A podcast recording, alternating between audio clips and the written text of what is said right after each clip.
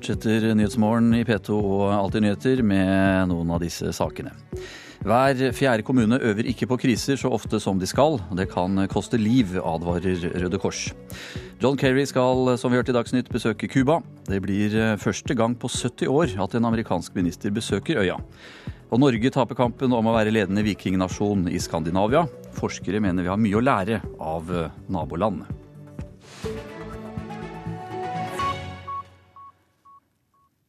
Regjeringen må sørge for at kommunene har nok penger til å øve på kriser. Det mener eh, Røde Kors. Annethvert år skal norske kommuner øve på hvordan de håndterer flom, jordskred, terror eller brann. Men eh, hver fjerde kommune sier de ikke har øvd på hva de skal gjøre i en stor krise. Det viser tall fra DSB. Brannvesenet bruker motorsag for å hente ut passasjerer fra to biler som har kollidert front mot front. Flere barn sitter i baksetet med blod i ansiktet. Heldigvis er det bare øvelse denne gangen. Annethvert år skal norske kommuner øve på å takle krisa, men bare 72% av kommunene gjør det, viser tall fra DSB. Når det gjelder øvelser, så eh, har vi nok eh, ikke øvd det vi egentlig burde gjøre. Sier ordfører i Ibestad kommune i Troms, Dag Sigurd Brustin. Til høsten samler kommunen nødetater og frivillige for å øve sammen. Det er fem år siden sist, og ikke to, som regelverket sier. Beredskap er jo noe som de fleste innbyggerne ikke ser så veldig mye til. så Derfor er det veldig lett å lene seg litt tilbake i lenestolen og si at uh, dette det kommer sikkert ikke til å, til å skje. Og så er det nok av og til litt vanskelig å prioritere beredskap opp mot eh, f.eks. eldreomsorg eller et lærerårsverk eller, eller, kulturmidler. For det er helt konkret. Eh, og når man da i en eh, budsjettdialog setter disse tingene opp mot hverandre, så mange ganger så taper nok beredskapen. I en ny rapport Røde Kors offentliggjør i dag, forteller flere kommuner om det samme. Det bekymrer oss veldig. Generalsekretær Åsne Havneli mener regjeringa må sørge for at kommunene har råd til å øve så mye som de skal. Et tiltak kunne være da at eh, regjering og storting setter av noen midler til eh, beredskapstrening og øvelser i kommunene, sånn at vi sikrer beredskapen framover. Ja, hva frykter dere kan skje hvis ikke kommunene begynner å, å trene på en katastrofe? Ja, Da vil jo liv kunne gå tapt. Det er ikke godt nok at det er såpass mange som ikke har tilstrekkelig med øvelser. Kommunal- og moderniseringsminister Jan Tore Sanner vil ikke gi ekstra penger til øvelser, men sier kommunene må bli flinkere til å prioritere det de har. Vi har sikret en god vekst i kommuneøkonomien, så det er rom for å prioritere dette. Prislappen for øvelsen i Ibestad i høst kan ende opp på en million kroner, nesten 1% av kommunebudsjettet. Nei, det er jo eh, penger som vi eh, egentlig ikke har. Men etter fem år blir det nå øvelse uansett. Begynner vi å slakke på disse kravene her, så skjer det en ulykke, så er man ikke forberedt, og det er ikke bra. Reporter her, det var eh, Marit Gjelland. Ordfører Norat Distad i Auland, dere måtte takle den siste brannen i Gudvangatunnelen nå for kort tid siden. Hvordan fungerte redningsarbeidet? Ja, det fungerte veldig bra. Eh, vi var veldig tidlig inne. Faktisk så var I løpet av eh, ti minutter så var brannsjefen eh, framme til ulykkesplassen. og Etter det så det, kom alle ressursene inn i tur og orden. og Faktisk så var det da til sammen 160 personer, både fra nødetatene og fra frivillige, som var involvert i uh, samband med uh, den hendingen som var i Gudvangatunnelen. Og uh, Nødnettet, som egentlig ikke skulle tas i bruk før 1.11, var heldigvis på plass og operativt, og det fungerte kjempegodt. sånn at denne gangen så fungerte det, veldig godt. og de personene som inne, var redda. Det var jo òg en stor og heltemodig innsats fra Eh, person som var på eh, stedet da brannen tok til. Hva hadde skjedd i Gudvangatunnelen eh, hvis dere ikke hadde hatt så god beredskap som dere hadde? Ja, det er jo, Vi skal være veldig forsiktige med å spekulere i uh, hva som kunne ha skjedd, men uh, det vi ser er at ting har fungert. Og, og redningsarbeidet har gått, etter mitt syn, prikkfritt denne gangen. Eh, og Det er eh, betryggende eh, å se på. for Man kan si at OK, det skjer ikke her, det blir lenge til neste gang. Dette vet vi ingenting om. Vi må alltid være beredt. Og det er veldig betryggende for meg som ordfører og jeg tror også for andre, andre ansvarlige styresmakter å vite at eh, her eh, fungerer den lokale beredskapen, og her fungerer samarbeidet mellom oss og andre nødetater og samarbeid med andre kommuner. Hvordan er det dere øver? Eh, vi øver veldig mye. Eh, faktisk så har vi jo i Aurland 13 eh, årlige øvinger i regi av brannvernet. Vi har én til to storøvinger i løpet av året altså, som involverer mye bredere med, med andre aktører. Så er Fylkesmannen i Sogn og Fjordane veldig flink på å jobbe med beredskap. og har, Det er jo da øvinger på fylkesplan eller på regionnivå der. Og så setter vi faktisk av to timer per uke i Aurland eh, brannvern gjennomgang av utstyr, eh, rutiner og ha en slags eh, miniøving, som faktisk er hver eneste mandag året igjennom. Men så hører vi jo her da at det er mange kommuner som ikke er godt nok forberedt på en krise, og som ikke øver nok, ifølge Røde Kors i hvert fall. Hva, hva er grunnen til det, tror du? Nei, Det kan være det som jeg sa, og som òg ordføreren i Ibestad sa, at, liksom at du har en tanke om at det kanskje ikke skjer her. Eh, men sånn kan en ikke tenke, for at eh, plutselig så, eh, så, skjer det. Så min oppfordring er å øve og øve. Når ulykka er ute, da er det for seint å øve. Da er det for seint å lese manualer. Da er det handling som gjelder, og da må det ligge i, ligge i blodet hvordan du skal opptre. Sånn at jeg oppmoder sterkt. Og selv om man har begrensa ressurser, så er det veldig mye som kan gjøres òg på å kjøre øvinger som er mindre ressurskrevende. Så en sterk oppfordring til alle det er at de tar beredskapen på alvor. Den oppfordringen kom fra ordfører i Auland, Noralf eh, Distad. Skal vi til Kina, for der har eh, redningsmannskapene fortsatt ikke kommet seg helt fram til der eh, eksplosjonen inntraff for halvannet døgn siden. Men det som kan være årsaken til ulykken, begynner nå å bli eh, klarere. Utenriksmedarbeider Halvard Sandberg, og hva er det man har eh, funnet ut? Altså det er det at eh, Brannfolkene de rykket ut til melding om en brann i dette varehuset, denne lagerbygningen. Så det var ikke en eksplosjon som fikk dem dit, det var en brann. Og det brannfolkene gjorde, var at de begynte å bruke vann, som brannfolk har det med å gjøre, for å slukke brannen. Det som var lagret i denne lagerbygningen, bl.a. er et stoff som heter kalsiumkarbid. Og når du utsetter det for vann, så får du sveisegass, altså acetylen. Acetylen er eksplosivt.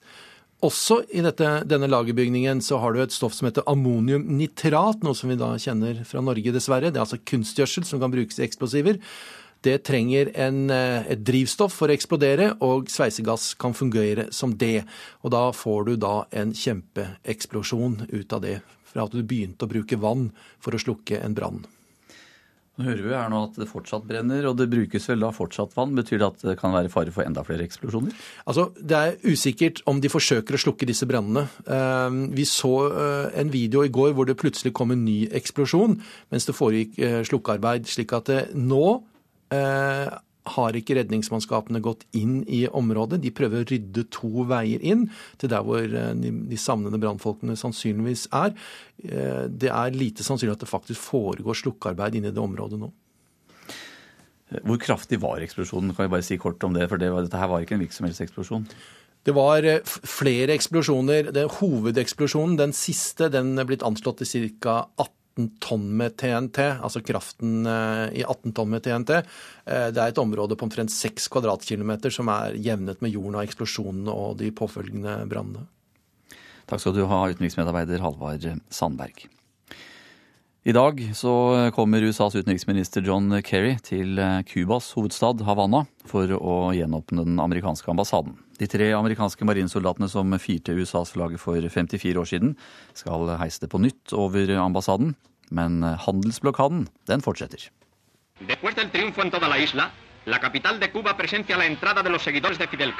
Fortellingen om den cubanske revolusjonen er i stor grad fortellingen om Fidel Castro, som i går fylte 89 år. Da han og en gruppe revolusjonære inntok Havanna og overtok makten 1.1.1959, var det ikke gitt at forholdet til USA i løpet av to-tre år skulle bli preget av diplomatisk brudd og handelsblokade. USA anerkjente Castros regjering etter seks dager, og journalistene fra CBS var svært så høflige i intervjuet fra 11.1 samme år. Dr. Castro, the American people hope that a true democracy will emerge here in Cuba. We want to ask you about your personal plans and about what you hope for your country. På spørsmålet om Castro tenkte å utvikle et sant demokrati, svarte juristen og revolusjonslederen bekreftende. Jeg vil aldri være mot noen rettigheter. Jeg er ikke kommunist, la Castro til senere, som besøkte USA allerede i april samme år. Men forholdet gikk raskt nedoverbakke. Castro innførte jordreform og nasjonaliserte etter hvert sukkerindustrien, som i hovedsak var amerikansk eid. Da amerikanske oljeselskaper nektet å raffinere olje fra Sovjetunionen, ble raffineriene nasjonalisert. Uavhengige medier ble stengt. I januar 1961 brøt USA de diplomatiske forbindelsene, og året etter ble det innført full handelsblokade. Det ble forbudt for vanlige amerikanere å besøke Cuba, og cubanere fikk ikke lenger visum til USA. Fra 1996, fem år etter at den kalde krigen var over, ble det vedtatt en ny lov med utvidede straffetiltak overfor banker og selskaper fra tredjeland som samarbeidet med Cuba. Men allerede i år 2000 fikk amerikansk landbruk og amerikanske farmasibedrifter unntak fra blokaden, og en stor del av den maten cubanerne nå spiser, kommer fra USA. Men den amerikanske kongressen sier fortsatt nei til å la Cuba selge sine varer til USA, trass i det diplomatiske tøværet. Groholm, Washington. Ja, Forfatter, eh, filmprodusent eh, Dag Hoel, du er medforfatter av boka 'Dette er Cuba. Alt annet er løgn'. Uh, Kerry han blir altså den første amerikanske ministeren som uh, besøker den cubanske hovedstaden siden uh, 1945. og Hvor oppsiktsvekkende er det? Ja, dette, er en, eh, dette er en historisk dag. Eh, nå er det to-tre uker siden eh, den amerikanske ambassaden i Havanna ble gjenåpna. Men eh, det er nå når, når, den amerikanske utenriksministeren besøker Havanna at at det får massiv internasjonal oppmerksomhet. Det er en symboltung dag i dag. Ja, De nærmer seg hverandre, altså Cuba og USA. Det er fortsatt litt igjen. Vi hørte nå um, i Dagsnytt klokka sju at Castro krever en unnskyldning fra USA og hevder at amerikanerne skylder Cuba millioner av dollar. Hvordan uh, blir dette tatt imot uh, av Kerry rett før han ankommer, tror du? Ja, jeg tror at uh, Kerry han, han børster, børster, det, der av som støv fra jakkeslaget. Det er, det er selvfølgelig en, dette er begynnelsen på en lang prosess. Det vil være krav i begge retninger. Cubanerne krever kompensasjon for det de har eh, tapt pga. handelsboikotten. Og på amerikansk side så har de jo eh, kapitalholdere og næringsliv som mista eiendommer på Cuba under nasjonaliseringsprosessen eh, på tidlig 60-tall, som krever tilbake de eiendommene de mista den gangen. Så det er mye juss eh, i åra som kommer, det skal vi være oppmerksom på. Men så er det mange cubanere som er eh, nervøse for hva endringene kan bety framover for hverdagen deres. Hva er det de er redde for? Ja, det, det er klart at det som skjer nå, er en eh, vi har venta på opphevinga av denne handelsblokaden i, i, i, 50 år. Og når det skjer, eh, så, så, er det slik at det vil legge betydelig press på eh, den, si, den politiske strukturen som Cuba har. Altså, dette er jo et veldig ensretta samfunn. Men når økonomien åpner seg opp, sånn som man for så vidt har begynt å legge til rette for i de senere åra. Og nå når amerikansk næringsliv får muligheten til å eh, gjøre sin entré på Cuba og begynne å, å, bre om seg igjen, så vil dette her eh, få politiske følger. Og det du kan si den jevne cubaner kanskje er mest bekymra for, det er jo at eh, det, det, som har vært essensen i den cubanske revolusjonen, det at alle skal ha samme muligheter. Det at alle har følt en sosial trygghet, alle har hatt en sikkerhet for at de har fått et minstemål. Dette er noe som kan bli satt under press det, eh, hvis det blir sånn at det er kapital, kapitalkrefter som skal være avgjørende og styrende på Cuba, og ikke et, et revolusjonsråd. Vi får se hvordan det går. Prosessen er som du sier, Dag Hol, i gang, og det har den vært lenge. Ja. Det ser i hvert fall ut som det går den riktige retningen, får vi vel kunne si.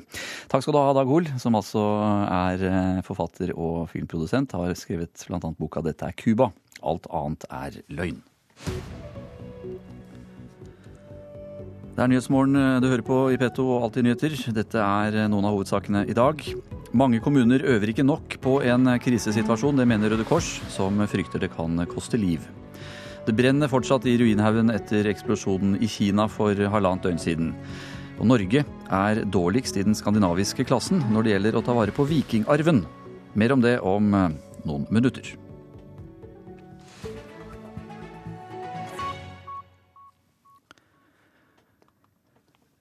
I går så var det igjen eh, kraftige kamper i den østlige delen av eh, Ukraina. Ukrainske regjeringsstyrker og prorussiske separatister har skutt på hverandre med tungt artilleri, til tross for at våpenhvileavtalen ikke tillater bruk av eh, slike våpen. Det er observatører fra Organisasjonen for sikkerhet og samarbeid i Europa, OSSE, som rapporterer om gårsdagens kamper i Øst-Ukraina, som ifølge dem har vært de hardeste siden våpenhvileavtalen fra Minsk trådte i kraft i februar. Det er meldt om to drepte og ti sårede i løpet av det siste døgnet. Ifølge separatister i Donetsk-området er også sivile drept i angrepene. Mer enn 6500 mennesker er drept siden krigen brøt ut i april i fjor, viser anslag fra FN. Utenriksministrene i USA og Russland drøfta igjen situasjonen i Ukraina i går. John Kerry sier at det nå er behov for en øyeblikkelig våpenhvile, og at løftene i Minsk-avtalen må etterleves. Sergej Lavrov hevder at det er Ukraina som har trappa opp konflikten den siste uka, og Russland forlanger at Kiev må stanse det landet kaller de væpnede provokasjonene. Det sa reporter Arne Egil Tønseth. 70% av pengene som skulle gå til flere helsesøstre i kommunene, er brukt opp på andre ting i kommunene. Det viser tall fra Statistisk sentralbyrå. Regjeringen bevilget i fjor 185 millioner kroner til helsestasjoner og skolehelsetjenesten. Ved nordlandskommunen Ballangen er helsesøster Nina Finn redd for at mangel på helsesøstre skal gå utover barn og ungdom. Altså, vi opplever jo at vi rekker ikke over. Ungdommene ønsker mer tid med oss. Eh, og også selvfølgelig bedre mulighet til å samarbeide med de lærerne som ser at ungdom sliter, og som eh, ber oss om å ta en samtale med en ungdom. Det er ofte en helsesøster barn og ungdom henvender seg til når problemer oppstår. Hva kommer de med da? Ja, Det kan være alt mulig fra små fysiske ting som vi kan løse ganske greit, til psykososial problematikk, og det kan være problemer i familien. Og... Derfor ga regjeringen 180 millioner kroner i fjor, som de anslo skulle rekke til 300 nye helsesøstre. Men nye tall fra SSB viser at kommunene opprettet bare litt over 100 stillinger. Resten av pengene havnet i asfalt, eldreomsorg eller f.eks. til å betale lån.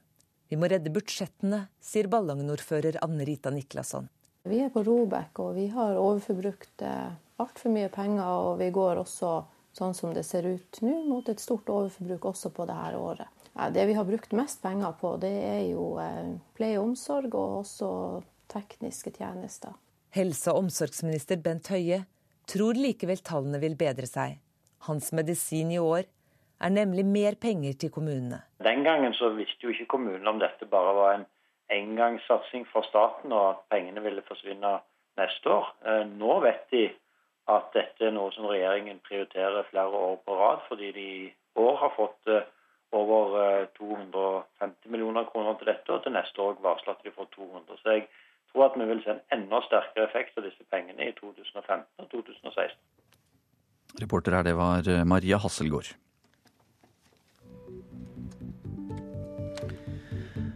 Er det tid for eh, dagens eh, avisoverskrifter. Russernes nye våpen eh, skremmer USA og Nato, er Aftenpostens hovedoppslag. I Ukraina så har russiskstøttede opprørere tatt i bruk nye våpen som lammer kommunikasjon, slår ut GPS-er og gjør moderne våpensystemer ubrukelige. Arbeidsminister Robert Eriksson varsler store endringer i Nav, skriver Dagbladet. Langt sterkere fokus på brukere, mindre skjemavelde og mer makt til lokale Nav-kontorer er noen av punktene i Erikssons plan. Dagens Næringsliv eh, har et oppslag om at 20 000 kan risikere å miste pensjonen. Det er et nytt EU-regelverk som stiller strengere kapitalkrav til banker og forsikringsselskaper. Og Dermed står eh, pensjonsselskapet Silver i fare for å måtte avvikle. Nå har de bedt Finansdepartementet om hjelp. Velgerne blir eh, mindre og mindre opptatt av tro. Det er en eh, stor utfordring for KrF, skriver Vårt Land, som refererer en undersøkelse som viser at velgerne blir stadig mer sekulære, som det heter. Det er på tide å skjerpe brannsikkerheten i fjøset. Det mener flere eksperter som Nasjonen har snakket med. Stadig flere bønder opplever tap av dyr pga. brann. Det er det elektriske anlegget i låven det nå bør gjøres noe med, ifølge Norsk elektronisk komité og Landbrukets brannvernkomité. VG har eh, viet forsiden i dag til eh, seks kompisers blodslitt opp Galdhøpiggen. Den ene av dem sitter i rullestol pga.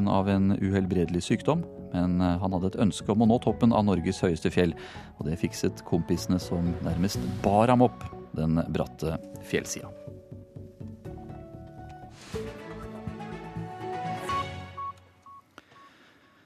Sport nå.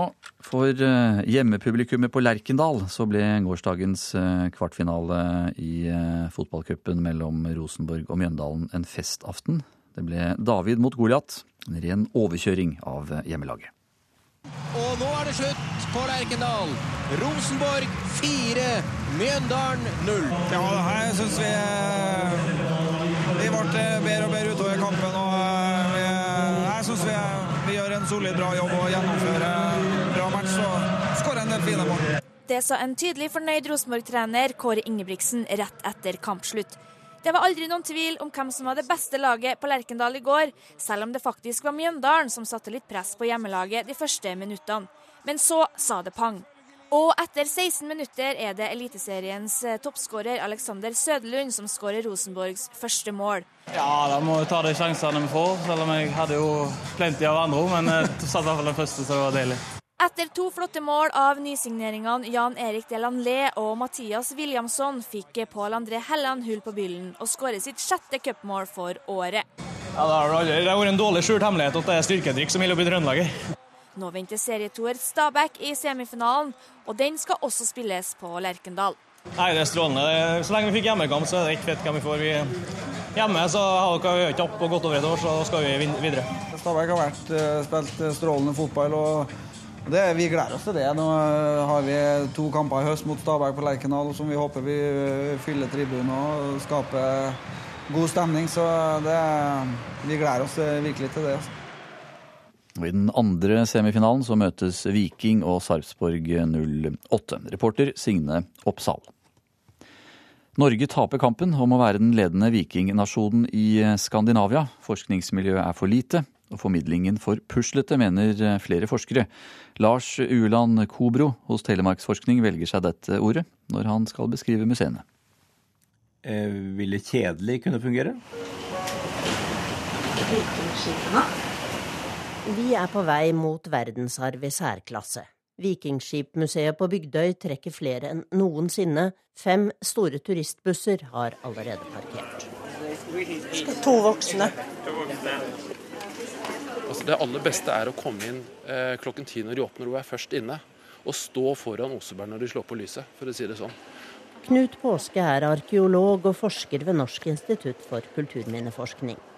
Han snakker med andakt om Osebergskipet og arven fra vikingtiden som Norge forvalter. Ja, jeg mener at Osebergfunnet som et arkeologisk funn er en av verdens absolutt eh, fremste. Og man skal ikke være eh, forsiktig her. Kan sammenligne det med Tutankhamun, Keops-pyramiden, eh, kinesiske mur, Taj Mahal. Altså de virkelig store severdighetene rundt i verden. Så er dette på det.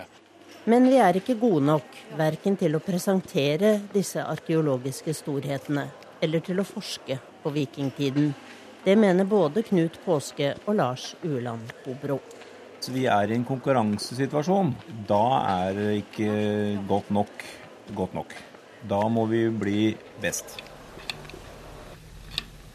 På Vikingskipmuseet i Roskilde er besøkende i full gang med å bygge sine egne små vikingskip.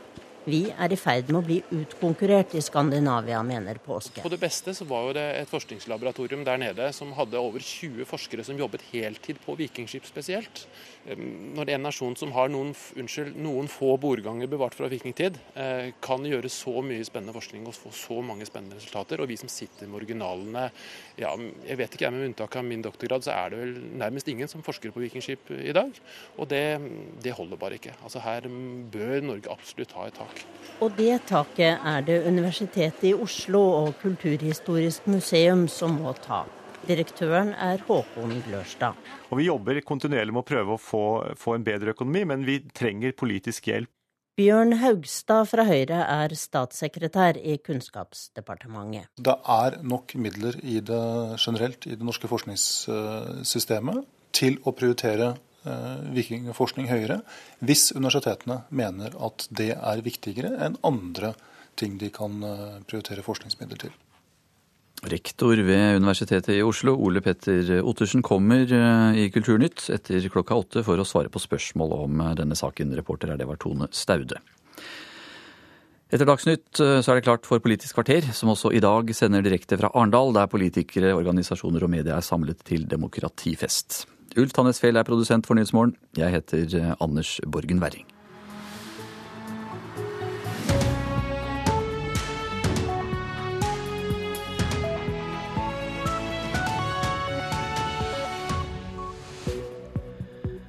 Klokka er 8.33. Eh, Dette er Nyhetsmorgen. Følgende saker får du høre mer om neste halvtimen. Spenning i Storbritannia. Labour skal bestemme seg for ny partileder. Det er viktig at kommuner øver på kriseberedskap, sier ordføreren i Auland. Røde Kors er bekymret for at mange kommuner ikke øver nok. Og penger som skulle gå til flere helsesøstre i Kommune-Norge har blitt brukt opp på andre ting. KS svarer i Nyhetsmorgen. Men først altså til eh, Storbritannia, for i dag starter over 600 000 medlemmer av Labour å stemme over hvem som skal bli partiets eh, nye leder. Det er eh, fire kandidater, to kvinner og to menn. Yvette Cooper, Liz Kendall, Jeremy Corbyn og Andy Burnham. Men det er herr Corbyn på venstresiden som er mest populære. Og Storbritannia-korrespondent Espen Aas, hva er grunnen til det? Det er mange av de som jeg har snakket med som sier at han endelig er en som snakker imot det alle andre politikere sier. En som stiller spørsmål ved den økonomiske politikken som blir ført. En som mener at tøffe budsjettinnsparinger ikke er veien å gå fordi det rammer så mange av de svakeste. I stedet så vil han skattlegge bedriftene hardere. Han vil nasjonalisere energiselskaper og jernbaner slik at det igjen blir i statlig eie. Han vil gjenåpne nedlagte kullgruver. Og en god del Labour-velgere, i hvert fall de som står til venstre i partiet, har syntes at eh, deres parti og de konservative har lignet altfor mye på hverandre gjennom mange, mange år, og nå ønsker de på en måte å gå tilbake til røttene i sitt Labour.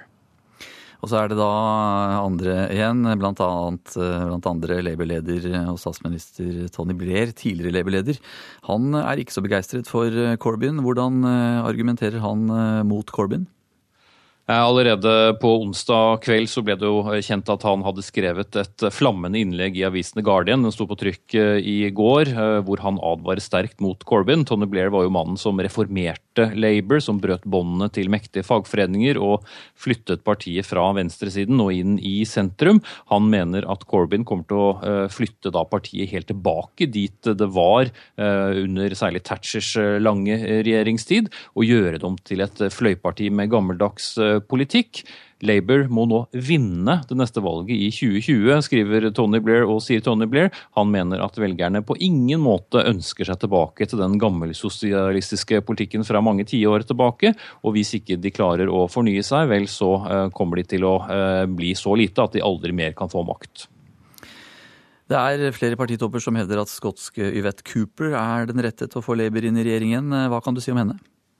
Hun er utvilsomt den mest erfarne av de fire kandidatene. Hun har regjeringserfaring både som en del av den politiske ledelsen i Finansdepartementet, hun har vært boligminister og arbeids- og pensjonsminister. Alt dette under eh, Gordon Brown, som var den siste statsministeren for eh, Labour før eh, de konservative vant. Hun har nå den forrige parlamentsperioden vært utenrikspolitisk og innenrikspolitisk talskvinne, og mange mener at hun er den som kan modernisere partiet, og er nok en av de som står nærmest Tony Tony Blairs gamle politikk. Og i går så gikk hun i likhet med ham og advarte mot Jeremy Corbyn som ny leder. Silkehanskene er tatt av, og Labour har heller aldri hatt noen valgt kvinnelig leder, kun midlertidige ledere. Så mange ønsker seg også at hun skal bli den første kvinnen. Ja, Det er altså avstemning som starter i dag. Eh, Espen Aas, kort til slutt. Eh, det blir ikke annonsert noen ny leder før om fire uker. Hva er det som tar så lang tid? Det er en eh, litt omstendelig prosess, dette. Det er rett og slett sånn Stemmepapirene de sendes ut i dag. Så skal Eh, de som er stemmeberettiget, de skal rangere da eh, med nummer både leder og nestleder. Så skal det telles opp. Hvis ingen av kandidatene har fått over halvparten av stemmene, så må den med færre stemmer tas ut, og så må det telles på nytt. og Slik fortsetter det til én kandidat da har klart å sikre seg mer enn 50% og 12.9 skal alt være ferdig talt opp, og da annonseres den nye lederen. Takk skal du ha, Espen Aas, vår korrespondent i London. Til Kina nå, der har redningsmannskapene fortsatt ikke kommet seg helt fram til der eksplosjonen inntraff for eh, halvannet døgn siden. Men eh, det som kan være årsaken til ulykken, begynner nå å bli klarere. Det brenner fortsatt i deler av ruinhaugen ved eksplosjonspunktet. Flere kvadratkilometer av den travle havnen ble hardt rammet da et varehus med kjemikalier eksploderte nær midnatt kinesisk tid onsdag. Redningsmannskapene, som har blitt forsterket av kjemiske eksperter fra hovedstaden, rydder nå to veier inn i området. Frykten er giftige gasser og nye eksplosjoner. Målet er der de sannsynligvis vil finne de savnede brannfolkene. Det er nå klart at brannvesenet rykket ut til en brann i varehuset, og at serien med eksplosjoner inntraff etter at de hadde begynt slokkearbeidet. Det som nå begynner å tegne seg som årsaken til katastrofen, er kombinasjonen av to av stoffene som var lagret i varehuset. Hvordan ett av stoffene reagerte på vannet brannvesenet brukte, og hva som da skjedde med det andre stoffet. Kalsiumkarbid i store mengder var lagret der. I kontakt med vann utvikler det acetylen, altså sveisegass, som er meget eksplosivt. Også i varehuset var det store mengder kunstgjødsel, som også kan eksplodere dersom det blir kombinert med for eksempel sveisegass. Sa utenriksmedarbeider Halvard Sandberg. Liv kan gå tapt hvis ikke flere kommuner øver på å håndtere en krisesituasjon, advarer Røde Kors. Annethvert år skal eh, norske kommuner øve på hvordan de håndterer flom, jordskred, terror eller brann. Men hver fjerde kommune sier de ikke har øvd på hva de skal gjøre i en stor krise, viser tall fra Direktoratet for samfunnssikkerhet og beredskap, DSB. Brannvesenet bruker motorsag for å nå skadde barn i baksetet etter to biler har frontkollidert. Heldigvis er det bare en øvelse denne gangen. Annethvert år skal norske kommuner øve på å takle kriser, men bare 72% av kommunene gjør det, viser tall fra DSB. I Ibestad i Troms samles nødetatene og frivillige for å øve sammen i høst. Det er fem år siden sist, og ikke to, som regelverket sier. Dag Sigurd Brustin er ordfører. Beredskap er jo noe som de fleste innbyggerne ikke ser så veldig mye til. så Derfor er det veldig lett å lene seg litt tilbake i lenestolen og si at uh, dette det kommer sikkert ikke til å, til å, skje. Og så er det nok av og til litt vanskelig å prioritere beredskap opp mot uh, f.eks. eldreomsorg eller et lærerårsverk eller, eller kulturmidler. I en ny rapport fra Røde Kors forteller flere kommuner om det samme. Det bekymrer oss veldig. Generalsekretær Åsne Havneli ber regjeringa sørge for at kommunene har råd til å øve så mye som de skal. Kommunal- og moderniseringsminister Jan Tore Sanner vil ikke gi noen ekstra penger til øvelser, men sier kommunene må bli flinkere til å prioritere. Vi har sikret en god vekst i kommuneøkonomien, så det er rom for å prioritere dette. Hva frykter dere kan skje hvis ikke kommunene begynner å, å trene på en katastrofe? Ja, Da vil jo liv kunne gå tapt. Prisloppen for øvelsen i Ibestad i høst kan ende opp på en million kroner. Men etter fem år blir det nå øvelse uansett. Begynner vi å slakke på disse kravene her, så skjer det en ulykke. Så er man ikke forberedt, og det er ikke bra. Reporter her, Marit eh, Gjelland. Ordfører i Aurland, Noralf Distad, oppfordrer andre kommuner til å øve selv om ressursene er knappe. Han sier redningsarbeidet fungerte bra etter den siste brannen i Gudvangatunnelen. Det er veldig betryggende for meg som ordfører og jeg tror også for andre, andre ansvarlige styresmakter å vite at eh, her eh, fungerer den lokale beredskapen, og her fungerer samarbeid mellom oss og andre nødetater og samarbeid med andre kommuner. Hvordan er det dere øver?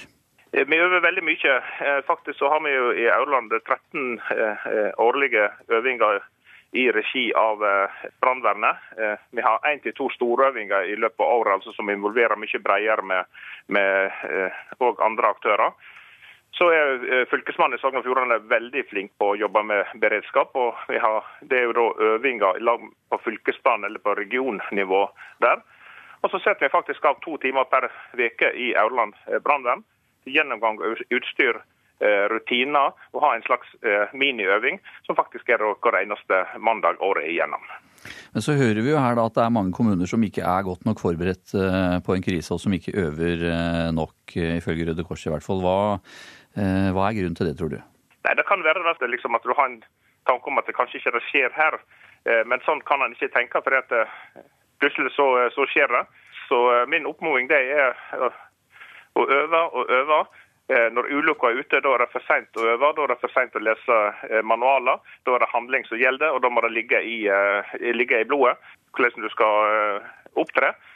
Sånn at jeg oppmoder sterkt. Og selv om man har begrensa ressurser, så er det veldig mye som kan gjøres òg på å kjøre øvinger som er mindre ressurskrevende. Så en sterk oppfordring til alle det er at de tar beredskapen på alvor. Det sa ordfører i Auland, Noralf Distad. Nesten halvparten av alle tunnelbranner i Norge har skjedd i eh, bare 4 av tunnelene.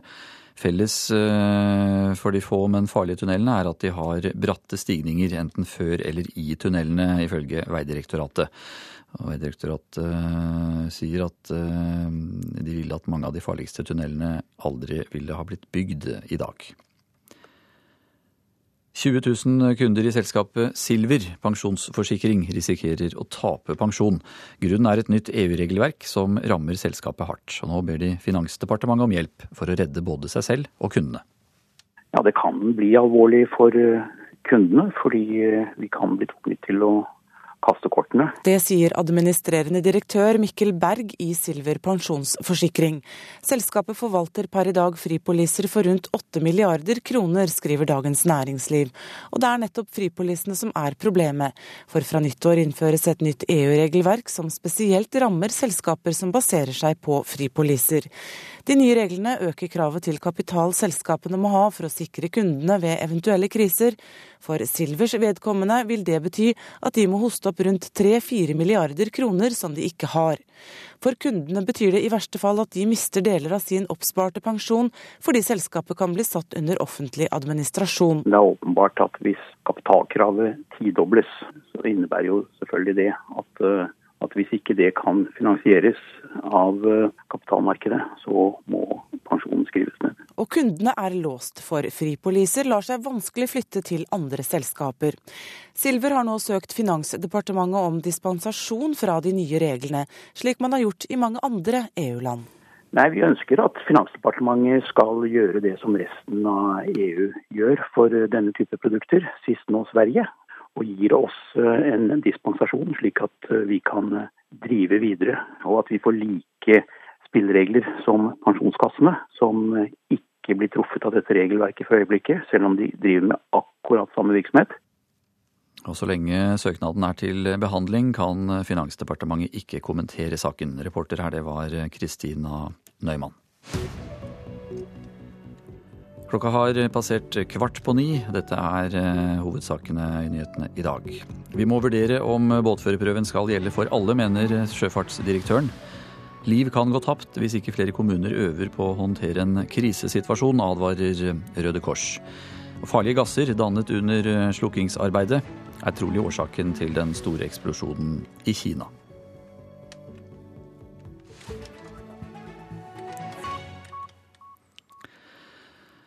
70% av pengene som skulle gå til flere helsesøstre i kommunene, er brukt opp på andre ting. Det viser tall fra Statistisk sentralbyrå. Regjeringen bevilget i fjor 185 millioner kroner til helsestasjonen og skolehelsetjenesten. I nordlandskommunen Ballangen er helsesøster Nina Finn redd det skal gå utover barn og ungdom. Altså, vi opplever jo at vi rekker ikke over. Ungdommene ønsker mer tid med oss. Det er ofte en helsesøster barn og ungdom henvender seg til når problemer oppstår. Hva kommer de med da? Ja, Det kan være alt mulig fra små fysiske ting som vi kan løse ganske greit, til psykososial problematikk, og det kan være problemer i familien. og... Derfor ga regjeringen 180 millioner kroner i fjor, som de anslo skulle rekke til 300 nye helsesøstre. Med nye tall fra SSB viser at kommunene opprettet bare litt over 100 stillinger. Resten av pengene havnet i asfalt, eldreomsorg eller f.eks. til å betale lån. Vi må redde budsjettene, sier Ballangen-ordfører Anne Rita Niklasson. Vi er på Robek og vi har overforbrukt eh, altfor mye penger. Og vi går også, sånn som det ser ut nå, mot et stort overforbruk også på dette året. Helse- og omsorgsminister Bent Høie tror likevel tallene vil bedre seg. Hans medisin i år er nemlig mer penger til kommunene. Den gangen så visste jo ikke kommunene om dette bare var en engangssatsing fra staten, og at pengene ville forsvinne neste år. Eh, nå vet de at dette er noe som regjeringen prioriterer flere år på rad, fordi de i år har fått eh, over 250 eh, millioner kroner til dette, og til neste år varsler at de får 200. Så jeg tror at vi vil se en enda sterkere effekt av disse pengene i 2015 og 2016. Reporter her, det var eh, Maria Hasselgaard.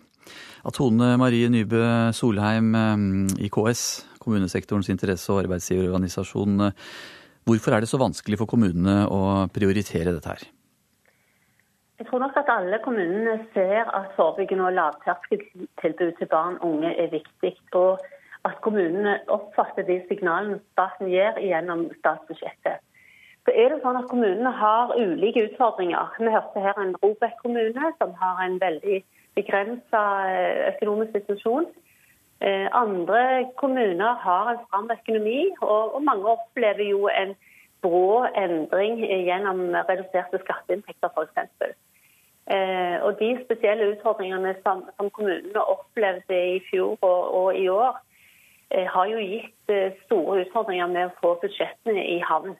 Men, jo, vi hører, men, vi hører, jo her i innslaget at det er jo da satt av penger til eh, Eller penger som da er ment å gå til flere helsesøstre. Og så hører vi her at uh, det går til asfalt isteden, annet. Eh, og det er vel ikke intensjonen akkurat?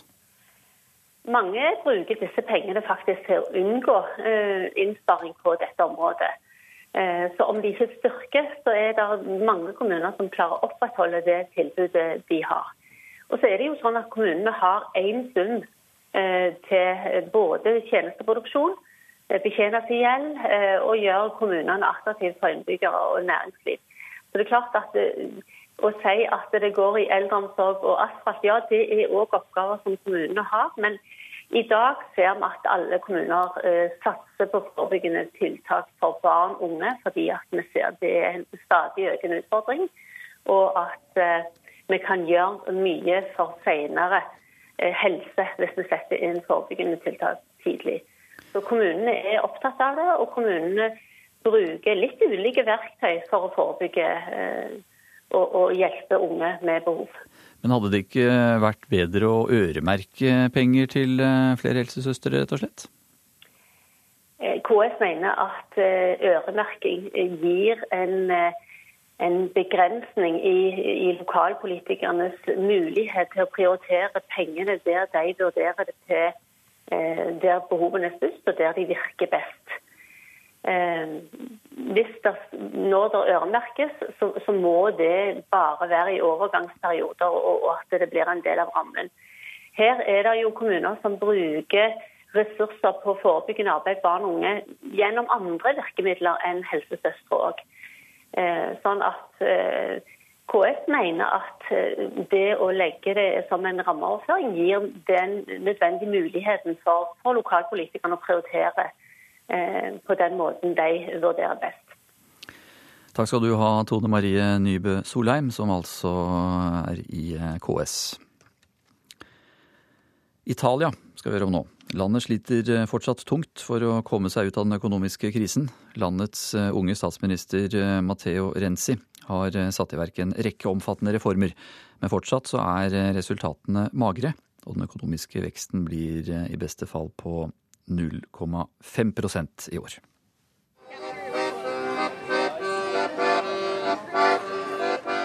Det er en vakker sommerdag på Romas mest berømte markedsplass, Campo dei Fiori. Men salget på markedet går tregt, og det er ingen trengsel på den populære plassen der romere og tilreisende har kjøpt sine varer helt siden 1400-tallet. Patricia Sacchi fra Roma er fast kunde på Campo dei Fiori og er deprimert over situasjonen. De eneste tegn til bedring i økonomien er de tallene som myndighetene våre legger frem, sier hun.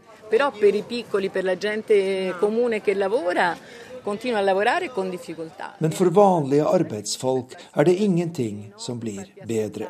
De som er så heldige å ha en jobb, har fortsatt lite å rutte med, og derfor brukes det mindre penger enn før i dette landet.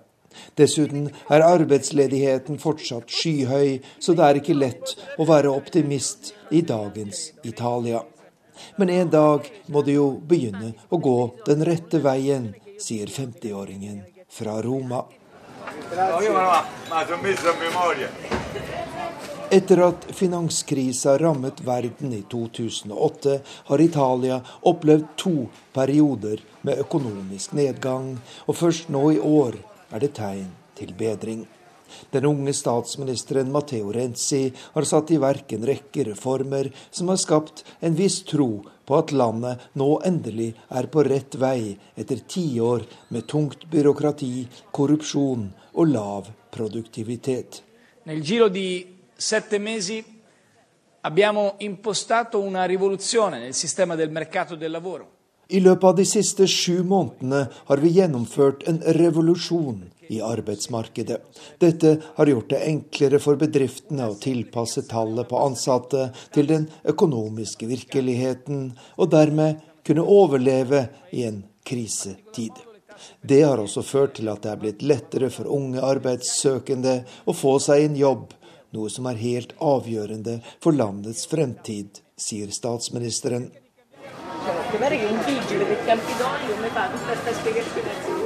Italias økonomi vil ventelig vokse med en halv prosent i 2015. Et lavt tall, men en god nyhet for et land som de siste årene har vært inne i sin verste resesjon på mange tiår. Det er også en god nyhet for Norge, som selger varer til en verdi av rundt 20 milliarder kroner i året til Italia i første rekke olje, gass og fisk. Etter mange kriseår ser vi nå en klar økning i den norske eksporten, sier avdelingsleder Elisabeth Meyer ved Innovasjon Norges kontor i Milano. I 2014 så begynte det å snu. Eh, og det som vi ser nå, som er ganske interessant, det er jo at eksportverdien til Italia vokser mye mer enn den norske eksporten til resten av Europa eller til resten av verden. Så hvis det fortsetter sånn, så vil vi kanskje ved utgangen av året innenfor enkelte varegrupper klare å komme tilbake inn til det nivået vi var på før.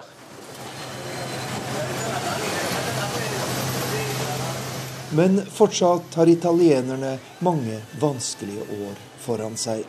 43% av landets unge er uten arbeid, og titusener har forlatt landet i håp om en bedre fremtid i USA, Tyskland eller andre land.